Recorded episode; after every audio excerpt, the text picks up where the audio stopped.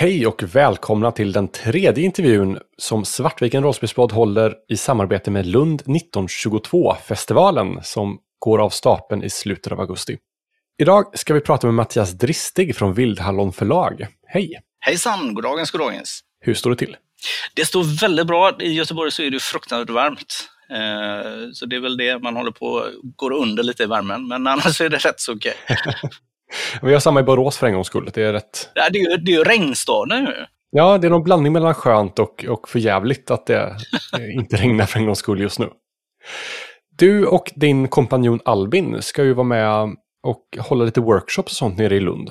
Ja, ja men det stämmer bra det. Vi, vi har ju ett koncept, jag och Albin, som heter Gör ditt eget brädspel. Och det är vi ju ute med på skolor, bibliotek och kulturhus och uh, lite sådana här ställen. Och uh, lär då barn och unga och även också då vuxna att göra egna brädspel. Eh, så lördag den 27 så ska vi hålla då två stycken pass som är lite mer så här introduktion, testa på mer, eh, att göra egna brädspel. Eh, ska vi göra. Och det är begränsade platser. Eh, så där, nu kommer jag inte ihåg hur många det var, men det var väl 15 eller någonting per omgång. Eh, man får kolla i programmet i det. Men det är på lördagen eh, på förmiddagen eh, i alla fall. Du är ingen nykomling till att göra spel, eller hur? Nej, det stämmer bra det. Jag, mitt första spel hette ju väl, eller mitt första spel, eh, då var jag väl, eh, gick jag i trean eller någonting och gjorde ett spel som hette Ramses. Eh, det gjorde jag på baksidan av ett slaktat monopolbräde. Och Eh, det var ospelbart, men det var då jag började göra ett spel. Men det, det, som hände sen var väl i praktiken att jag faktiskt eh, gjorde ett spel som heter Dinofighten tillsammans med tredjeklassare eh, när jag var föreståndare för ett eftermiddagshem. Eh, och det kom ju då till final i Brewhouse Award och då började jag inse att men det här kan man ju göra. Så då tryckte jag upp det i 200x och så sålde det slut och sådär. Och sen har jag gjort Nättrolls eh, och lite andra spel. Nättrolls eh, släpptes ju då eh, själv i en kampanj, 500x. Och sen så köpte Eloso förlag över licensen på det, så de gjorde en nytryck också på det. Jag är en, jag är en indie-spelsutvecklare kan man säga. Och det, vi ska också säga att Albin också, han eh, har ju företaget Game Prototyper. Så han hjälper ju också eh, tre personer, spelutvecklare, att göra spel och sådär. Och han gör ju också då spel. Jag tänker vi får inte glömma av honom här nu i, i det här samtalet. Nej, precis. Ni är ju faktiskt två som håller i workshopen. Och yes. då låter det som att ni kompletterar varandra ganska bra med, med kompetenser och, och resurser och så. Ja, det tror jag. Det, det är en väldigt, så, väldigt uppskattad workshop när vi väl är ute på på skolor och kulturhus och sådär. Och man kan väl säga att jag, jag är väl kanske mer explosiv i mitt eh, berättande och Albin är lite mer, eh, lite lugnare och sådär. Och eh, Albin brukar lägga mer fokus på själva mekanik och sådär, medan jag är mer take that-kille. Eh, att det ska vara snabbspelat och det ska funka och, och sådär. Eh, liksom. och det, men det blir en väldigt bra mix faktiskt, det, det vi har där. Att eh, det kompletterar varandra väldigt bra i, i den workshopen. Så om man eh, går på den här workshopen, vad är det man får lära sig för något? Mm, man kommer framförallt få, eh, det är en väldigt kort, detta är en introduktion, eh, så, så man kommer få lära sig lite om vad ett, ett tema är. Man kommer också kolla lite på vad spelmekanik är och då kommer vi utgå då från deltagarnas förkunskaper och sådär också, för det, det, det, då blir det bäst eh, så att säga, att man, eh, den, den ska inte vara teoretiskt detta, utan det ska vara också praktiskt. Eh, så, så man kommer få lära sig lite om spelmekanik och lite om tema. Och sen kommer man då sitta två och två med en liten vit kartong med lite spelkomponenter i och så kommer man ju då faktiskt få börja att göra ett spel. Man kommer ju inte hinna göra färdigt ett spel på detta, men man kommer ju få testa på det och sen får man ju då ta hem det här eh, materialet då, eh, som man har. Eh, så det kommer man, kommer få börja hur man gör ett spel helt enkelt. Ja, vad kul. Introduktion.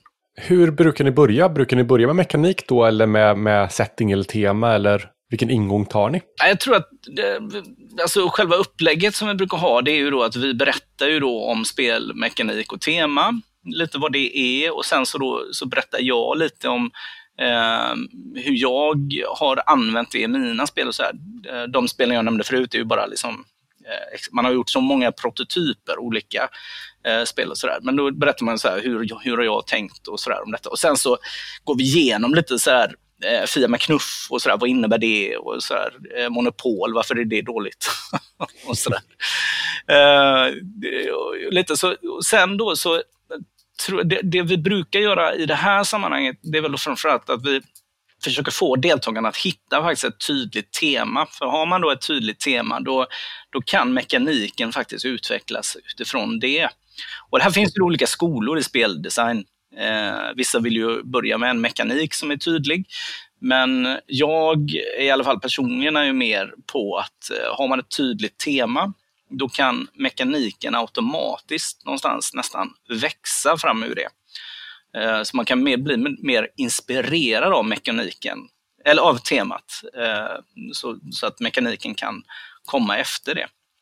Eh, men det är ju tycke och smak, men i ett sånt här sammanhang så har vi märkt att det är lättare att börja med ett tema. Eh, sen finns det ju deltagare som absolut vill börja med mekaniken och då gör man ju det.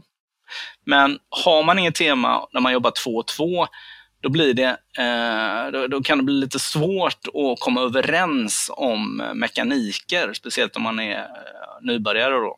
Så, men har man då ett tydligt tema, då vet man att okej, okay, det här ska handla om hästar eh, och hur man föder upp hästar, om det är temat. Då kanske det inte är så att det ska komma rymdvarelser i det. Nej, temat. precis. Eh, eller, ja, eller så, så ska det det. det Horses and aliens. Ja, men exakt. Det, det också. Men, men då, då skapar man en eh, automatisk eh, begränsning för sig själv, tror jag. Och jag tror det är bra när man jobbar två och två. Sen är det väl alltid ett iterativt arbete också. Man hoppar mellan, fram och tillbaka mellan tema och mekaniken. Mm, det är exakt. svårt att lista ut hela temat kan jag tänka mig innan man börjar mekanik och tvärtom. Nej, precis. Och det, vi har ju grupper som har haft eh, just sådana här crossover-teman nä, nästan. Alltså att man har då, ja, vi gillar, det är ju barn och unga vi främst riktar oss till, men så här, men, ja, vi ska handla om en godisfabrik och, och sen ska det också handla om hästar. Liksom. Och sen mitt i allt det här då så eh, behåller man ju bägge de temana, men sen då så kan det vara så att ja, men det blev mer godisfabrik av det. Eh, sådär. Men man, det är mycket riktigt, eh, för man hoppar mellan de här hela tiden. Och det är lite så här, kommer detta funka i temat? Ehm, och, den ständiga diskussionen då mellan deltagarna är ju viktig då att få med, för det är ju en kreativ process någonstans. Vad skulle du säga att du har lärt dig av att hålla de här workshopsen när det kommer till att, ditt eget spelskapande och så? Ja, det är ju det att det finns så fruktansvärt mycket kompetens faktiskt eh, och kreativitet ute bland barn och unga skulle jag säga. Jag, om jag ska vara riktigt krass så, ja, men jag vet inte om man kan generalisera så, men jag upplever att när vi är ute bland fjärdeklassare eh, så, så, så, finns det en kreativitet som, som sen försvinner någonstans när man kommer in upp i nian. Men även också bland vuxna. Alltså kommer man upp i nian och liksom bland vuxna, då, då är det, tenderar det mer så här, ja men jag vill göra ett tema om Fortnite. Så här, istället för att göra då, som jag sa innan, det ska handla om godisaffär och eh, hästhoppning. liksom. Um, och eh, jag upplever ju då att yngre spelkreatörer då någonstans har en mer lättare kreativitet i det där. Um, och även också hitta då mekaniker lättare faktiskt Eh, i det. Medan då när man blir äldre, men då blir man så bunden av, ja men jag spelar det här spelet. Eh, så blir det åtta kopior av eh, Monopol. Eh, och det är lite tråkigt. Sen, det här är också intressant, alltså när vi varit ute då bland eh, klasser och sådär så, så, så, så, upplever jag också att, ehm, och det var inte så tydligt för mig när vi började med detta, men om man tittar då på vilket spel, när vi frågar så här, men vilket spel känner ni till och sådär. Då, då, landar man i, ja men det är schack, det är, eh, det, det är Fia med knuff, det är framförallt Monopol. Man kommer, kommer så här. Medan då när man tittar internationellt så misstänker jag, jag är inte jag är ingen sån expert på det sättet, rent i teoretiska bak bakgrunden. Det får någon, eh, någon professor i spelmekanik eller spelhistoria eh, rätta mig om jag har fel. Men jag upplever att när man spel internationellt så, så pratar vi snarare om Snake and Ladders som alla kommer ihåg och alla vet vad det är. Eh, Medan då i Sverige så är det Monopol. Gäller det även hos den yngre generationen? Ja. För jag tänker Monopol och Risk har ju alltid varit de stora och TP då, det är ju mina tre värsta spel. Ja. Men nu har ju Ticket to Ride exempelvis blivit jättestort. Börjar det komma in en ny generation där, eller hur tror du? Nej, nej och jag tror att det, vi märker faktiskt inte av det när vi är ute. Vilket är, man hör ju att den här stora brädspelsvågen även också kommer längre ner i åldrarna och sådär. Jag vill nog säga att det upplever faktiskt inte vi när vi är ute. Det är lite ledsamt tycker jag, för jag vill ju gärna att Monopol ska sluta vara standardspelet för familjer. Ja, men eller så är det så att vi, är, vi, vi rör oss i en spelhobby där vi har eh, en tanke och en önskan av eller om att det, det, ska förhålla sig på det sättet. Men folk i gemen, de, de tar det som finns ute och det är monopol och man tar det man känner till och så är det bra med det. Det som, man, som finns i källaren, liksom, det som ens föräldrar spelade. Exakt, och det, men det kan absolut, det, det är ju folk som, alltså i en klass av kanske 25 elever, så kanske det är, alltså generaliserat, det är fem elever som, har, som går utanför då det här monopolträsket i kunskap. Utanför monopolmonopolet? Ja, men exakt. Eh, exakt. Och kanske då fem stycken någonstans som mer säger, ja men spelar Ticket to Ride och sådär. Eh, och så är det liksom en av dem som spelar engelska spel. Liksom. Och det är väldigt generaliserande. Det ser ju självklart olika ut eh, i åldersgrupper och sådär. Jag tror att fritidshem har ju mycket i detta. Det man spelar på fritids, det är det man känner till. Sen får man ju tänka också, nu kommer det två gubbar här från Göteborg och så ska man våga säga, eh, säga ett engelskt uttal på ett spel som man spelade någon gång, eh, som man tyckte var roligt. Det, jag vet inte. Det, kan finnas sådana aspekter också såklart. Men jag upplever inte det som att det är Monopol har fortfarande kvar sin ställning skulle jag nog vilja säga. De släpper ju nya versioner också, klistrar mm. nytt tema liksom, men behåller mekaniken Exakt. hela tiden. Om vi tittar på festivalen Lund 1922, kommer ni göra något speciellt med workshopen för att anpassa den till temat? Nej, det, det beror ju på, eh, alltså i och med att vi utgår så mycket från deltagarnas eh, förkunskap och deltagarnas eh, åsikter, så att säga. det är ju hela idén med workshopen. För det blir väldigt konstigt om vi, om vi skulle säga så här, nu måste ni göra ett spel kring eh, Lund 1922. Då blir det då blir väldigt så begränsande i kreativitet.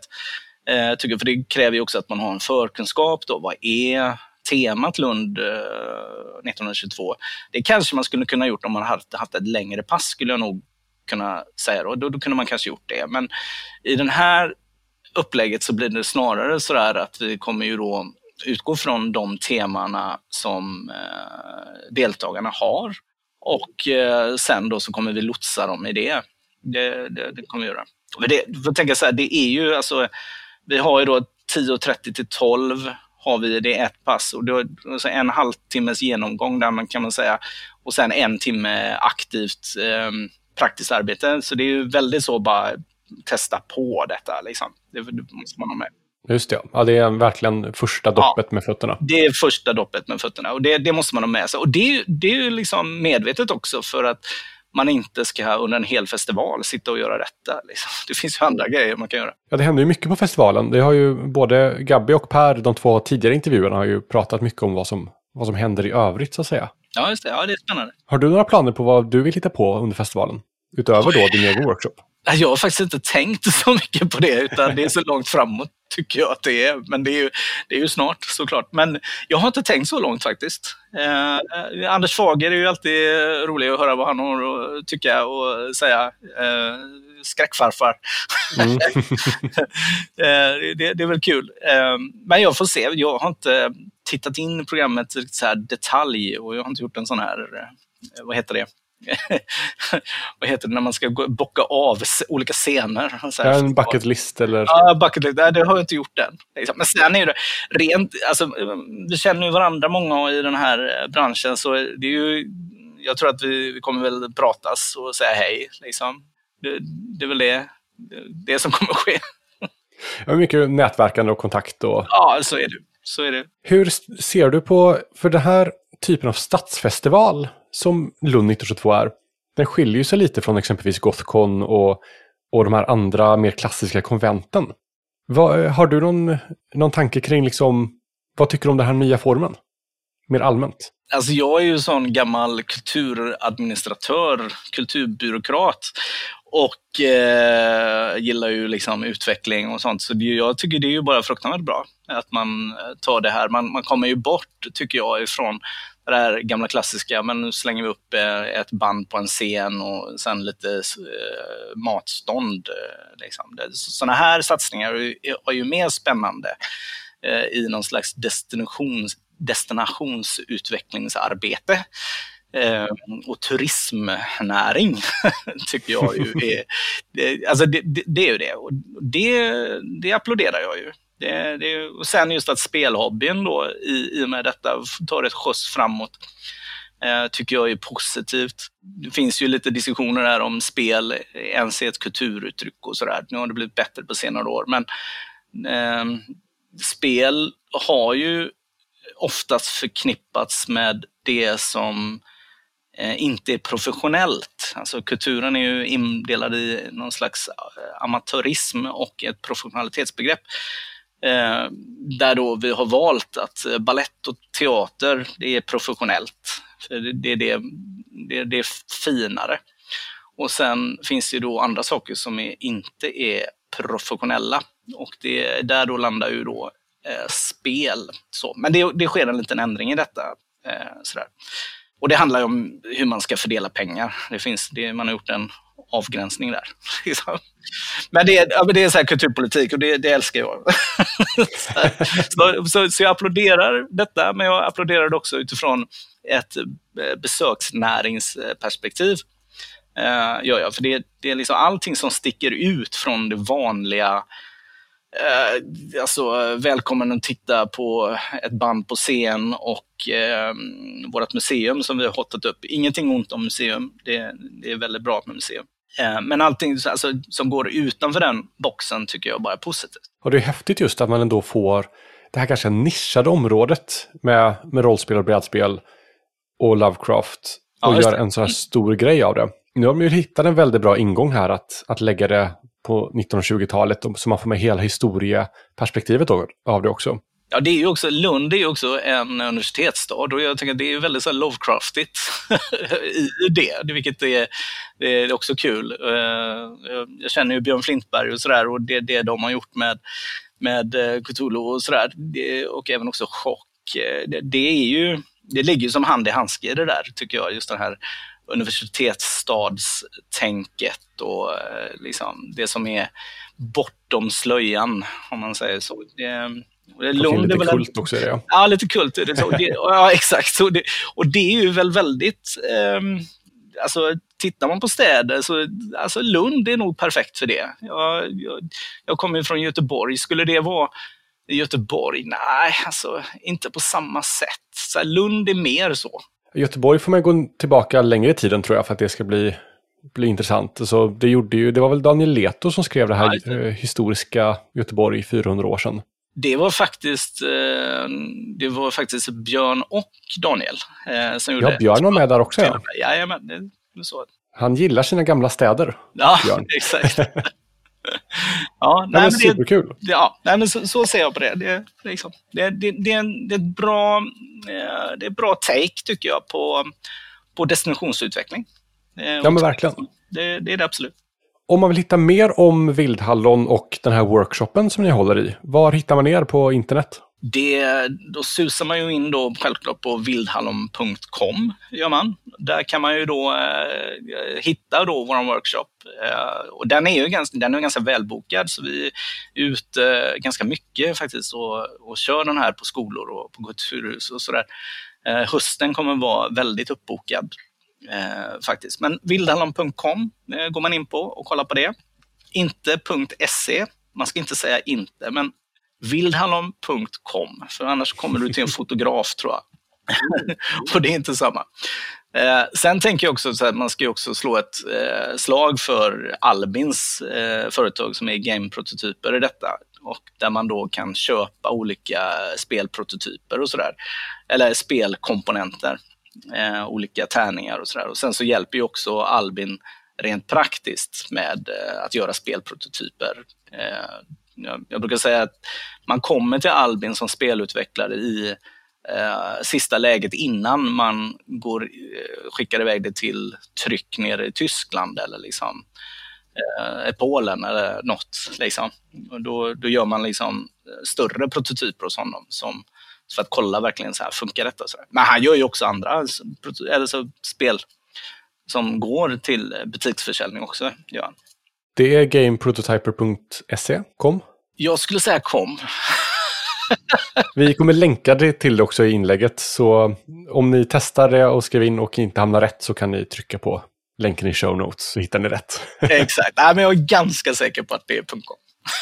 Sista frågan då, kommer du klä upp dig i 20-talskläder under festivalen?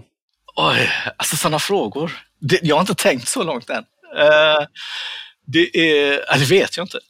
Nej, köra en liten live, för jag har sett Albin brukar väl klä sig ganska Ja, stiligt, han, han, han, kör ju så väst eh, och så. Det är nästan bara monokel och eh, sån rova på honom. Så ser han hemma, tänker jag.